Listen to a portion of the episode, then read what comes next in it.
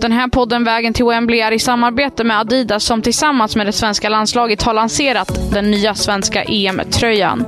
Och i den tröjan så finns det en guide på hur man ska stoppa Sverige. Och vill man läsa mer så kan man gå in på howtostopsweden.com och kanske till och med beställa hem sin favoritspelares tröja. Då sätter vi igång.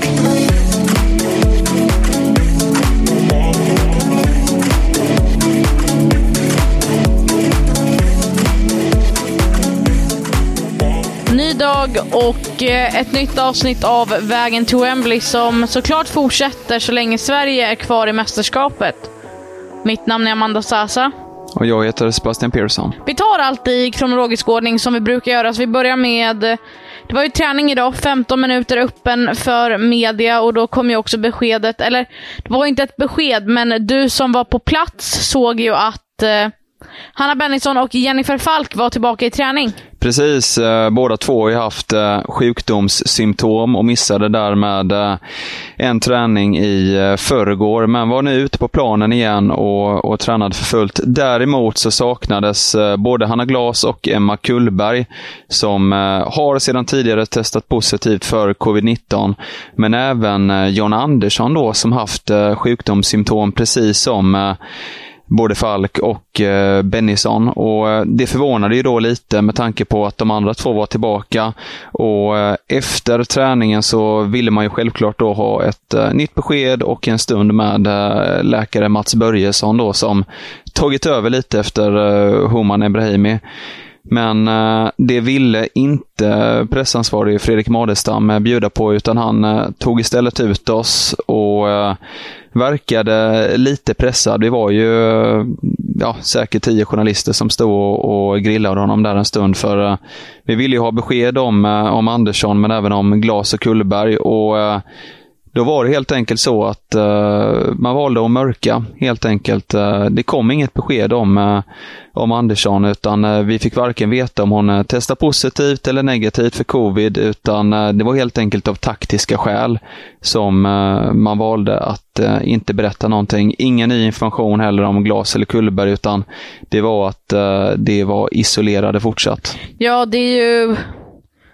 Jag, jag står ändå bakom det. Jag tycker att det, det, det är helt rätt att inte berätta, även om vi såklart som journalister gärna vill veta vad som händer, så av taktiska skäl så, så står jag ju bakom Peter Gerhardsson och eh, Fredrik Madestams eh, teknik här. För Peter Gerhardsson på presskonferensen dagen innan match, han ville inte heller säga så jättemycket i och med att han inte ville dela med sig till Belgien och ge dem eh, den fördelen. Så att jag förstår det helt och hållet, samtidigt som vi, som jag sa tidigare, vi som journalister vill ju gärna veta och det, det jag tycker ändå är lite så här kittlande, det är ändå, är Jonna Andersson, är hon frisk nu? Kommer hon kunna spela? Det vet vi inte. Hur ser det ut med Hanna Glas och Emma Kullberg? Har de lyckats få till ett negativt test? Det vet vi ju inte. Men eh, det blir ju som sagt väldigt, väldigt intressant att se om, om så är fallet. I och med att alla tre efter den kollektiva träningen, där de inte var med, så tränade ju de faktiskt under gårdagen. Så att, eh, mm.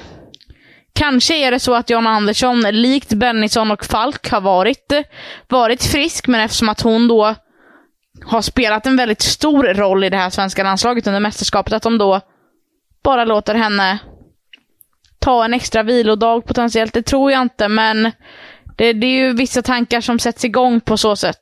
Ja, man blir ju nyfiken på, eh, på vad som gäller egentligen för att uh, Gerhardsson sa även att uh, två av uh, det här tre hade tränat även i förrgår då uh, vid sidan av den kollektiva träningen senare på, på dagen helt enkelt. Och det, det kom även upp en fråga då på presskonferensen från kollega Olof Lund om om inte Andersson då har, eh, har covid eller hur läget varit med henne med tanke på att de tre då tränade tillsammans. Men då menade Gerhardsson att planen är stor och sådär och att eh, det hade gått att, att hålla avstånd i så fall, men, eh, men ville då förstås inte ge ett besked om, eh, om Andersson. Men, men det ger ju, ju spänning in i, i matchen och, och Gerhardsson ville som sagt inte bjuda Belgien på någon fördel eller på något alls egentligen. Eh, men sa också att han fått information om, om Belgien via belgisk media då, som han trodde sig kunna få användning av till och med i, i matchen.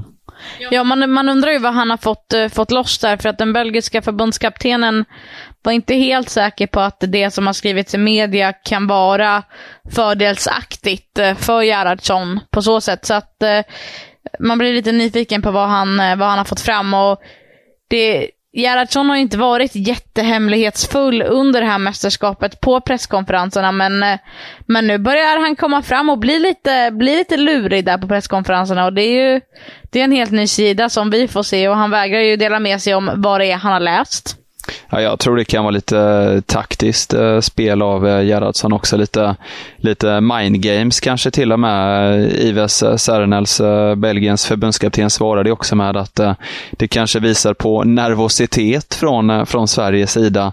Just det här att Gerhardsson nämner att, att han har information som kan påverka matchen. Och, och han var ju ganska cool i det, Sernels. Han, Eh, verkade vara en ganska slätstruken eh, figur om man ska vara lite elak. Eh, sa inte så jättemycket som stack ut och eh, han menade, eh, drog den klyschan lite grann att eh, även om Sverige saknar eh, eventuellt då eh, Glas eh, Kullberg Andersson så, så menade han att eh, Sverige har eh, 23 bra spelare och att det självklart finns, finns ersättare. Men visst vore det tufft om, om Sverige hade tappat både Glas och Andersson som, som är ordinarie ytterbackar. Ja, det är, det är klart att det är tufft och det är, det är mycket som ska falla på plats för att resten ska fungera som Peter Gerhardsson och Magnus Wikman vill att det ska flyta på och som de vill att det ska fungera. Men jag har ju diskuterat det här med vår expert då, Hanna Marklund. Och eh, vi kommer fram till att det är Visst att det är ett avbräck, men kollar man på de alternativen som finns så ska Sverige ändå, men de ska ro hem det här. Och eh, Tufft, men det är ändå någonstans positivt, om man kan säga det så, att det här händer nu och inte inför en eventuell semifinal. Då de förhoppningsvis då hinner bli friska, de som är covid-sjuka. Så att eh, positivt att det händer nu och inte senare. Nej, exakt. Och ska tillägga också att uh, den belgiska mittfältaren Justine Van Hermat, uh, ursäkta uttalet där, uh, lite svårt. Men eh, hon medgav i varje fall då att även om hon lider med eh, de svenska spelarna då som har drabbats av, eh, av sjukdom här så, så medgav hon ändå att klart det är positivt för, för Belgien att det eventuellt är borta med tanke på att Belgien behöver ju såklart alla fördelar det kan få och eh, det sköt även över favoritskapet på Sverige, vilket förstås är fullt rimligt. Och, eh, och Det belgiska lägret verkade också väldigt nöjda med att ja, men helt enkelt bara vara i kvartsfinal. Det pratade ju om framförallt Justin då, om att eh, det stora målet var att komma till kvartsfinal och här finns ju ingen direkt press på Belgien utan nu kan det egentligen gå ut och slappna av. Men sen är frågan om det får ju inte heller bli för nöjda för belgisk del ifall det ska ha någon chans att utmana Sverige. Precis, jag vill, innan jag fortsätter på den tråden så vill jag ändå ge dig en enorm cred för att du vågar säga hennes efternamn. För att jag hade ju absolut inte vågat göra det. Uh, det hade blivit uh, total fiasko där. Men uh, precis, så är det ju. Hon, de var ju också inne på, hon speciellt Justine, var ju inne på att ehm, målet har varit kvartsfinal, men att det finns mer att hämta från det belgiska landslaget och att eh, det ändå är lite press på dem, att de känner press på sig själva. Och det tror jag också pekar på att man inte är alldeles för tillbakalutad, utan man, man vill eh, såklart nå så långt som möjligt, men jag tror också att Belgien är ett landslag som är, som är väldigt eh, realistiskt. Alltså spelarna är väldigt realistiska i och med att eh, majoriteten av spelarna är ju semiprofessionella. Det innebär att de inte är heltidsproffs, utan de jobbar vid sidan av eller pluggar vid sidan av. Och de samlades ju, Belgien var ju ett av de här landslagen som samlades otroligt tidigt. 16 maj tror jag om jag inte har helt fel. Och det är ju för att de här semiprofessionella spelarna då skulle få känna på livet som, som proffs. Och nu har de ju, och det är ju skillnad på att vara heltidsproffs i två månader och vara det året om. Ja, men verkligen. Och eh, ett heltidsproffs eh, som varit med väldigt länge, som inte nämnt ännu, det är ju Caroline Seger. Fortfarande lite ovisst om hon eh, kommer till spel idag. Gerhardsson verkade hyfsat positiv med tanke på att Seger hade tränat då i, igår med övriga i laget och menade att det var den bästa dagen på länge för Segers del. Det är ju en känning i hälen som hon haft problem med tidigare. Och eh, Det lät ju positivt som sagt, men eh, tveksamt ändå om hon eh, startar. Det kan ju bli en lång match över 120 minuter, så att möjligen troligare med ett inhopp. Eh, otroligt mycket mer troligt att hon hoppar in istället för att starta. Jag tror inte att han... Han vågar nog inte chansa så tidigt i en kvartsfinal. I alla fall att eh, låta Caroline Seger starta för att sen bara orka potentiellt 60. Speciellt inte när det handlar om en kvartsfinal som kan gå till 120 minuter. Äh, och sedan så finns ju Nathalie Björn där som har gjort det bra och som eh, tog över efter seger på eh, presspodiet nu eh, under gårdagens presskonferens. Hon eh, varnade även, eh, eller höjde i varje fall ett eh, finger för Belgiens både offensiv men även defensiv. Att det möjligen kan spela med ett lågt försvar, vilket Sverige haft problem med tidigare och möjligen kan få problem med imorgon. Men, men då gäller det att ha fart på bollen och, och ta mycket löpningar. Eh, så är det ju och vi har ju dessutom i den här podden nämnt det flera gånger tidigare att vi ser Nathalie Björn som en naturlig ersättare till Caroline Seger, både på och utanför plan. Och det var ju någonting som Peter Gerhardsson bekräftade också. Eller han bekräftade inte att det så är fallet, men men han verkade ju dela våra känslor i alla fall när han sa att eh, sen han träffade Nathalie Björn så har han sett att hon är en ledare och väldigt bekväm och att hon är väldigt viktig för laget.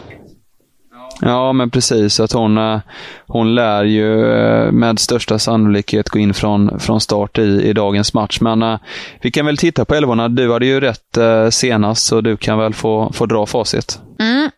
Jag... Uh det är då inget avslöjande utan bara en spaning som eh, jag... Så här hade jag ställt upp i alla fall om jag var förbundskapten. Och jag hade kört på en fyrbackslinje och det är ju med anledning av att eh, jag tror att det blir för riskabelt att, att spela Magdalena Eriksson i en trebackslinje i och med att hon redan har ett gult kort. Så att eh, med det i åtanke så, så hade jag spelat en fyrbackslinje med Magdalena Eriksson ute till vänster. Och så hade jag bildat mittbackspar med Amanda Ilestedt och Linda Sembrant. Och så hade jag haft Elin Rubensson på högersidan. Eh, nu ska jag inte glömma bort målvaktspositionen, men Lindahl är ju given.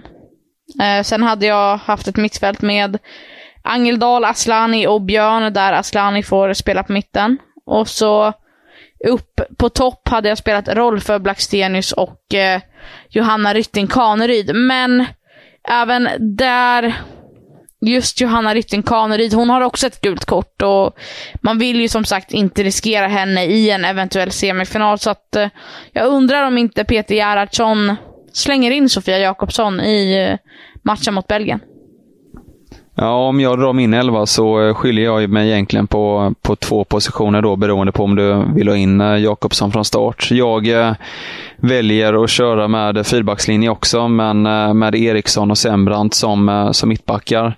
Vill inte ha ut Eriksson på kanten igen efter matchen mot Schweiz där hon hade det väldigt tufft med tanke på att de väldigt sällan spelar eh, vänsterback. Så eh, jag vill ha in Sembrant för att spela in henne i turneringen. Jag tror hon kommer behövas i en semifinal med positionsspelet och hennes smartness också, medan jag tycker Ilestedt har slagits bort för alldeles för många passningar, även om hon gjorde en klart mycket bättre prestation mot Portugal. Väljer Rubensson till höger också istället för Glas och eh, kastar in idén. Jag vet att det skulle kunna vara en eh, säkerhetsrisk på det sättet. Hon har gjort det bra i Juventus, men med tanke på att Gerhardsson inte vågat gett henne någon speltid alls nu under EM och inte ens mot Brasilien då, där vi trodde att vi skulle få se henne få ett par minuter i genrepet. Det var ju ändå en ganska betydelselös träningsmatch, även om man såklart ville få en god känsla.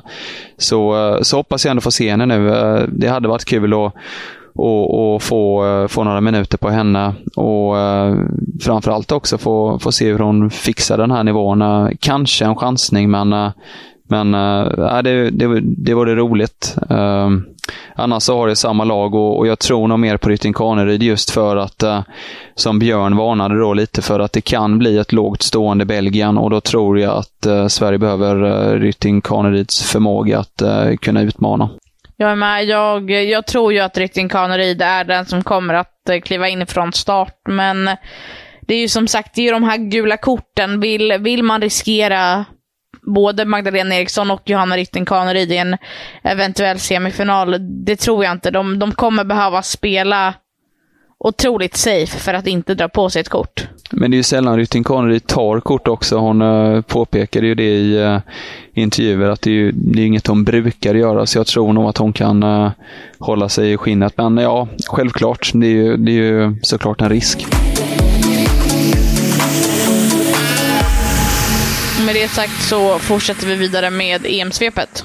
Precis. Tyskland slog ut Österrike och är klart för semifinal där antingen Frankrike eller Nederländerna väntar. Och eh, ja, Tyskland visar ju verkligen styrka. Ja, de har ju inte släppt in ett enda mål hittills i turneringen. Alexandra Popp är i superform och har gjort eh, gjort mål i varenda match hittills. Och, men men det, det, som, det, det man ska ha med sig är att eh, det är inte lätt att eh, besegra Österrike. De stod upp bra, de hade flertal chanser, men eh, ja, en eh, fruktansvärd målvaktstavla av eh, Manuela Sinsberger var ju det som till slut eh, fällde Österrike. Ja, det var ju rätt två eh, dråpliga mål Österrike släppte in. Först var det ju efter en utspark av, av Sinsberger där Tyskland vann boll och snabbt kunde ställa om eh, rätt snabbt där och, och, sätta bollen i mål där genom eh, Magol. och, och, sedan så var det ju en jättetavla där som du säger av eh, Sinsberger. Och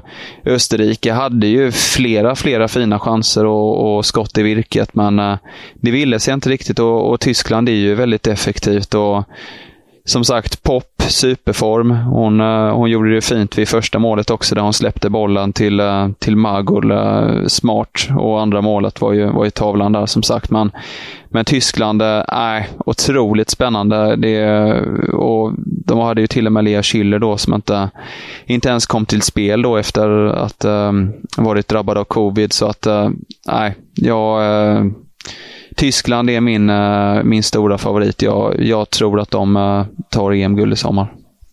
Ja, de har, de har gjort ett fint mästerskap eh, så, så här långt. Och det, det som ändå är, du, du, nämnde att Pop släppte bollen väldigt vackert där till Magul som kunde göra första målet i matchen. Det som också är värt att ta med är att det är också Alexandra Pop som gör hela förarbetet, som, som pressar Manuela Sinsberger till den här ja, men, usla utsparken som sen går till, till tysk spelare. Och sen pressar hon Sinsberger igen! Och Sinsberger blir stressad och, och står för en otrolig målvaktstavla.